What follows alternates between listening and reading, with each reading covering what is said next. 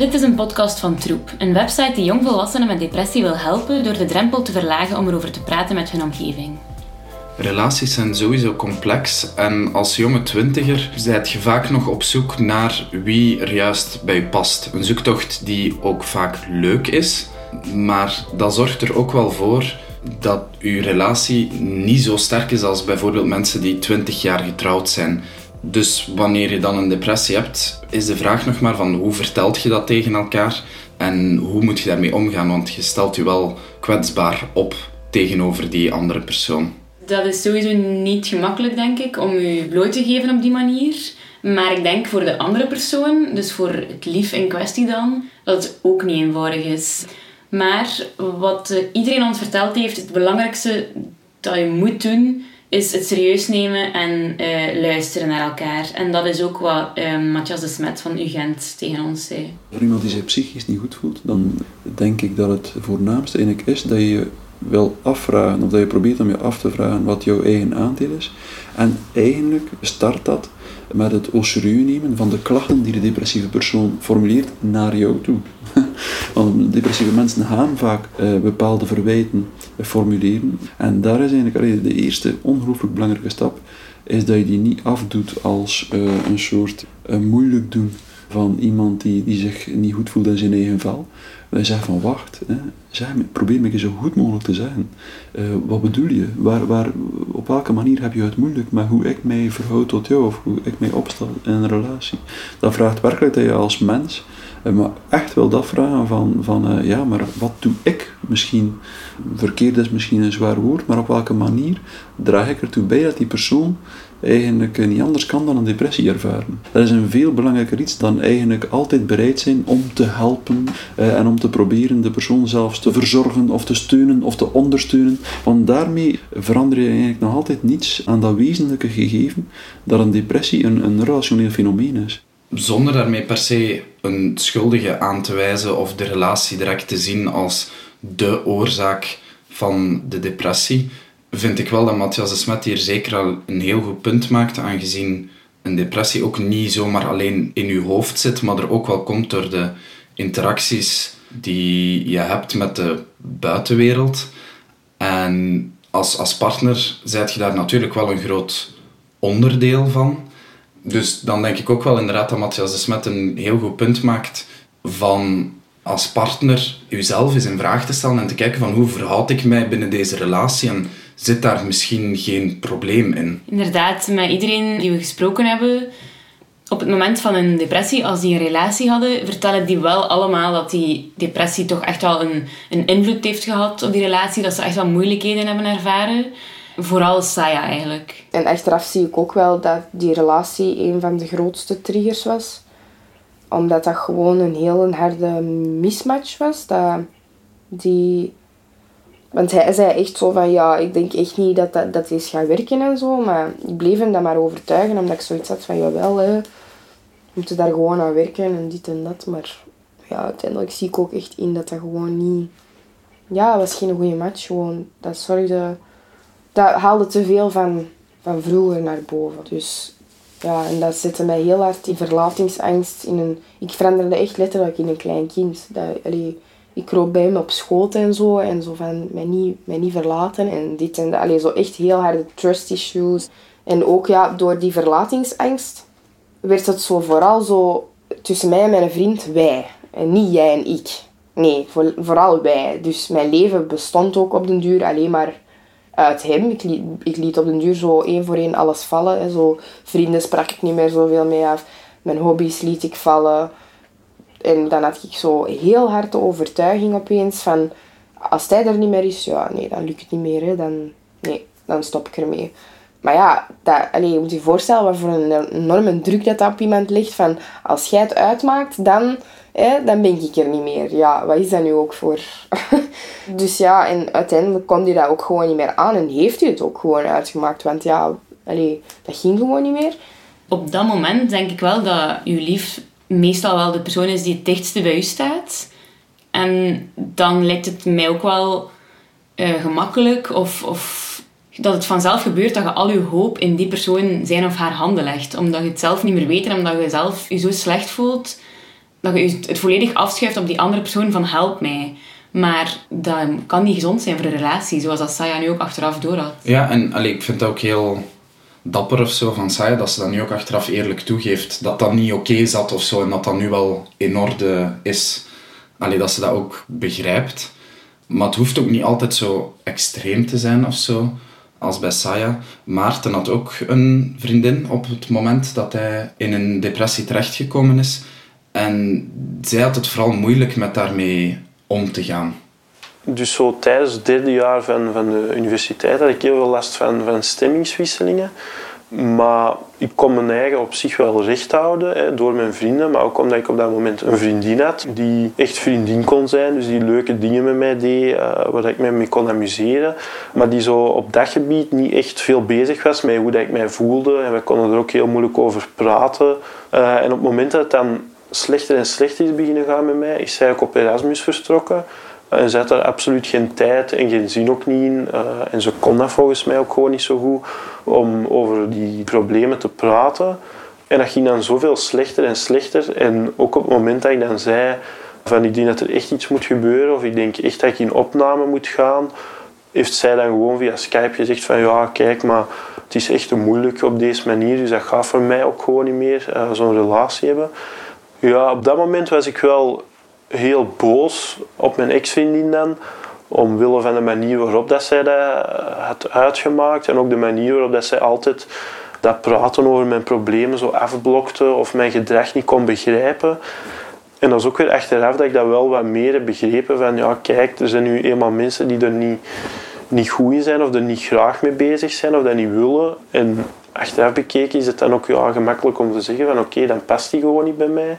Of dat gewoon echt willen helpen zo, uh, maar dat dat gewoon ja, was van, van niet goed kunnen of niet goed begrijpen. Ik denk dat Maarten dat op het einde ook wel goed samenvat. Dat dat niet van niet willen is of zo. En dat daarom ook niet per se de schuld bij zijn ex-vriendin ligt of zo. Maar dat dat gewoon twee persoonlijkheden zijn die dan niet echt bij elkaar passen. En ook bij Riyad zagen we wel dat ook al voor zijn depressie eigenlijk dat zij eigenlijk een beetje een mismatch waren en dat zij dus eigenlijk ja, niet gemaakt waren voor elkaar. Ja, daar komt het cliché en depressie is een opeenstapeling van feiten. Ik denk dat die relatie was de laatste druppel die de emmer deed overlopen. Omdat dat een, een laat het ons noemen, een eh, dysfunctionele relatie eh, was. Waar dat, uh, bon, ik moet de vuile wassen niet buiten hangen, maar allez, dat liep niet goed. Dus dat droeg bij aan het ongelukkig zijn. En dat was eigenlijk de katalysator van waar ik achteraf vermoed dat al de bagage die daarvoor zat. Zo ken je dat, je hebt een rugzak en tot 20 kilo mogen die inchecken en vanaf 22 kilo moeten bijbetalen op de luchthaven. En wel, ja, die relatie was dan kilootje 30 dat erbij zat. Dus ja, dat was garantie dat hij in een emmer uh, uh, begon over te stromen. Dus ja, het feit dat die partner dan deel is van het probleem, zorgt er natuurlijk voor dat hij geen deel kan zijn van de oplossing. Maar dat was dan iemand die denk ik ook niet door had of, of niet, niet, niet, niet wou doorhebben. Hij heeft wel uiteindelijk gezegd mij dat ik professionele hulp moest zoeken, dacht hij. Dus toen heb ik dat ook maar gedaan. Maar nee, nee, nee, ik zei het omdat hij deel van het probleem was, had ik niet het gevoel dat ik daar kon over spreken. Plus ook de paar keer dat ik dat niet zei, kwamen altijd de ja maar's en de nee dat en zou je niet dit en niet dat. En ik werd er ja, horendol van. Gewoon verschrikkelijk. Ik ben dan altijd ambetant. En die mensen van, allee, zou je niet dat doen? Nee.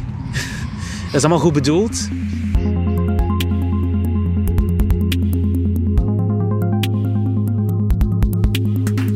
Belangrijk is om te onthouden dat het niet betekent omdat je een depressie hebt en dat je daar als koppel niet samen doorgeraakt, dat dat automatisch wil zeggen dat je sowieso niet voor elkaar gemaakt waart. Ik denk gewoon, een depressie is een heel ingrijpende gebeurtenis en soms is dat gewoon op dat moment in je leven met die persoon, hoe goed dat ook bij elkaar past, dat een betere beslissing is om de wegen te laten scheiden. Ja, en allee, het is ook niet de bedoeling om hier een heel negatief verhaal of zo te gaan brengen van relaties hebben er altijd mee te maken of zijn altijd een deel van het probleem of niemand geraakt met zijn relatie door een depressie. Dat, allee, dat is zeker de bedoeling niet. Maarten bijvoorbeeld heeft nu een nieuwe vriendin en met haar kan hij daar wel heel goed en heel open over praten en zij begrijpen elkaar echt. En we hebben ook een gesprek gehad tussen hun twee waarin Maarten ook heel duidelijk uitlegt wat hij nu wel echt aan zijn nieuwe vriendin heeft. Op welke manier kan ik zo'n steun zijn voor u? Ik denk dat jij vooral de beste steun kunt zijn door gewoon een goede vriendin te zijn. En ik denk dat het ergste dat je zou kunnen doen, dat is, allez, je bent zelf verpleegkundige en ik denk het ergste dat je zou kunnen doen is zo de rol van verpleegkundige of echt zoals professional in de zorg of zo, om die rol te proberen spelen. Ik denk dat dat het slechtste is dat je zou kunnen doen. Ik denk dat je gewoon vriendin moet zijn en vriendin moet blijven. En ik denk gewoon de manier op dat jij ermee omgaat, van als het misschien wat minder goed gaat, om me gewoon wat rust te geven of gewoon voor mij ja, te zorgen, gelijk dat je altijd doet, ehm, zonder zo echt professional te willen zijn of zo. Ik denk dat dat een heel belangrijke steun kan zijn. Op die manier dat je er als vriendin wel het beste kunt zijn. Als je zo'n moeilijk moment hebt of zo, zijn er dan dingen dat ik doe dat ik beter zou kunnen doen of dat ik misschien anders zou moeten doen of zo om je beter te kunnen helpen op dat moment? Ja, ik, als ik zo nadenk over hoe dat jij reageert op de dingen, dan zou ik dat in principe kunnen analyseren van dat zou je beter zo doen of dat zou je beter zo doen. Maar dat is ook hetgeen dat ik absoluut niet wil doen, want dan zit je ook weer zo professioneel bezig. Alleen ik denk dat je van een psychiater of psycholoog of verpleegkundige bepaalde dingen mocht verwachten in de manier waarop ze reageren. Maar ik denk dat je dat van je, van je vriendin of, of later van je vrouw of zo, dat je dat niet zo op die manier mocht eisen of verwachten. Maar ik denk gewoon het feit dat als ik vind dat je op een bepaalde manier niet zo goed reageert, en ik zeg dat, en ik durf dat ook denk ik wel zeggen, en ik merk dat jij daar wel rekening mee houdt, of dat probeert wat je best in te doen om dat wat te veranderen, dat dat de ideale manier is. Ik denk dat je niet van elkaar te veel mocht verwachten, zo van je zou beter zo doen, of dat is een goede reactie en die van nu niet. Denk ik dat dat heel gevaarlijk is om daar zo op die manier aan te denken, of over te denken. Maarten zegt vooral dat je als lief gewoon ook echt het lief moet blijven van die persoon. En niet dat je geen druk mocht voelen om plots alles te gaan oplossen. Eigenlijk als lief zijn jij niet de sleutel om die persoon beter te doen voelen. Die moet het zelf doen. En ik denk ook, het verhaal van Saya is daar een goed voorbeeld van. Dat je zelf niet van je lief kunt verwachten dat die het oplost. Je kunt niet alles in zijn of haar handen leggen. Ik denk echt dat dat iets is dat je samen over, over, over moet kunnen praten. En het beste dat je kunt doen als lief is gewoon steunen en luisteren. Maar vooral niet proberen om de oplossing of zo te zijn. Ja, het is een beetje met wat Matthias de Smet dan in het begin vertelde. Dat je, je moet jezelf wel in vraag stellen, of de relatie wel in vraag stellen, maar je moet dat dan ook natuurlijk niet tot in het extreme beginnen doen, want ik denk dat je dan net een, een gevaar hebt tot een onevenwicht in je relatie, waarin dat jij heel de tijd gaat zorg dragen voor je vriend of vriendin die, die een depressie heeft. En dat dat ook niet gezond is. Dat dat wel normaal moet blijven of zo.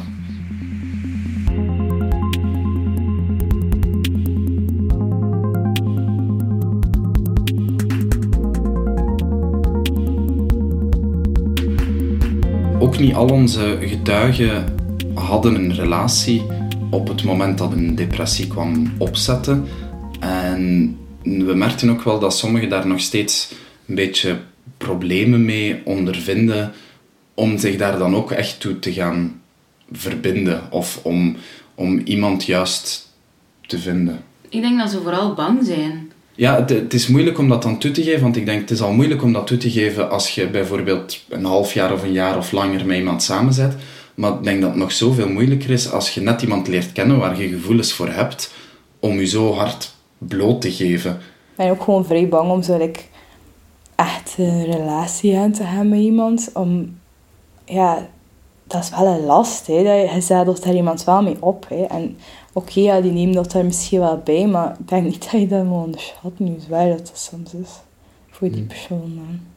Heb je dat ooit al aan iemand verteld waar je dan een, allee, of moet het zeggen, relatie of intiemer of wat dan ook, of waar dat iets groeide of zo? Nee, want ik zorg ervoor dat dat niet gebeurt. Ja. ja, ik loop daar gewoon van weg. Als ik merk dat het zo serieus wordt, dan doei. Ja. Omdat ik dat, ik wil dat ook zo ja, zie, ik ben zo hypocriet. Ik wil dat dan ook zo niet tonen aan iemand, dat ik kijk, soms echt een wrak ben. Maar ja, dat is gewoon niet leuk om zo je zwaktes te tonen. Mijn psycholoog vroeg over het laatst hoe dat ik sta tegenover verliefdheid. Ik heb gewoon gezegd van, ik, ik kan dat niet. Ik kan niet mijzelf daartoe engageren. Ik, ik ben van principe, hoe kun je een meisje geven wat dat je zelf niet hebt? En dat is het belangrijkste in een relatie, vind ik. Is dat je samen gelukkig bent.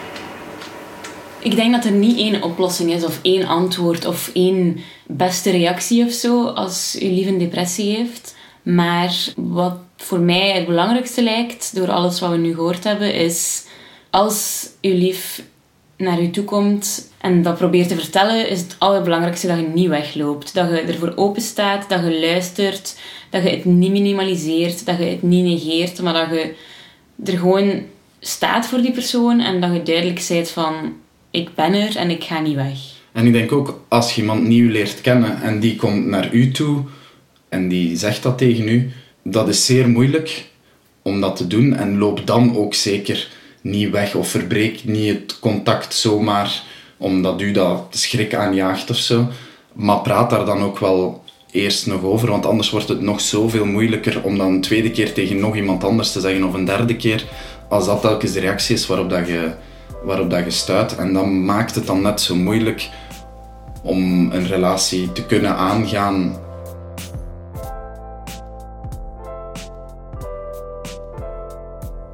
Bedankt voor het luisteren.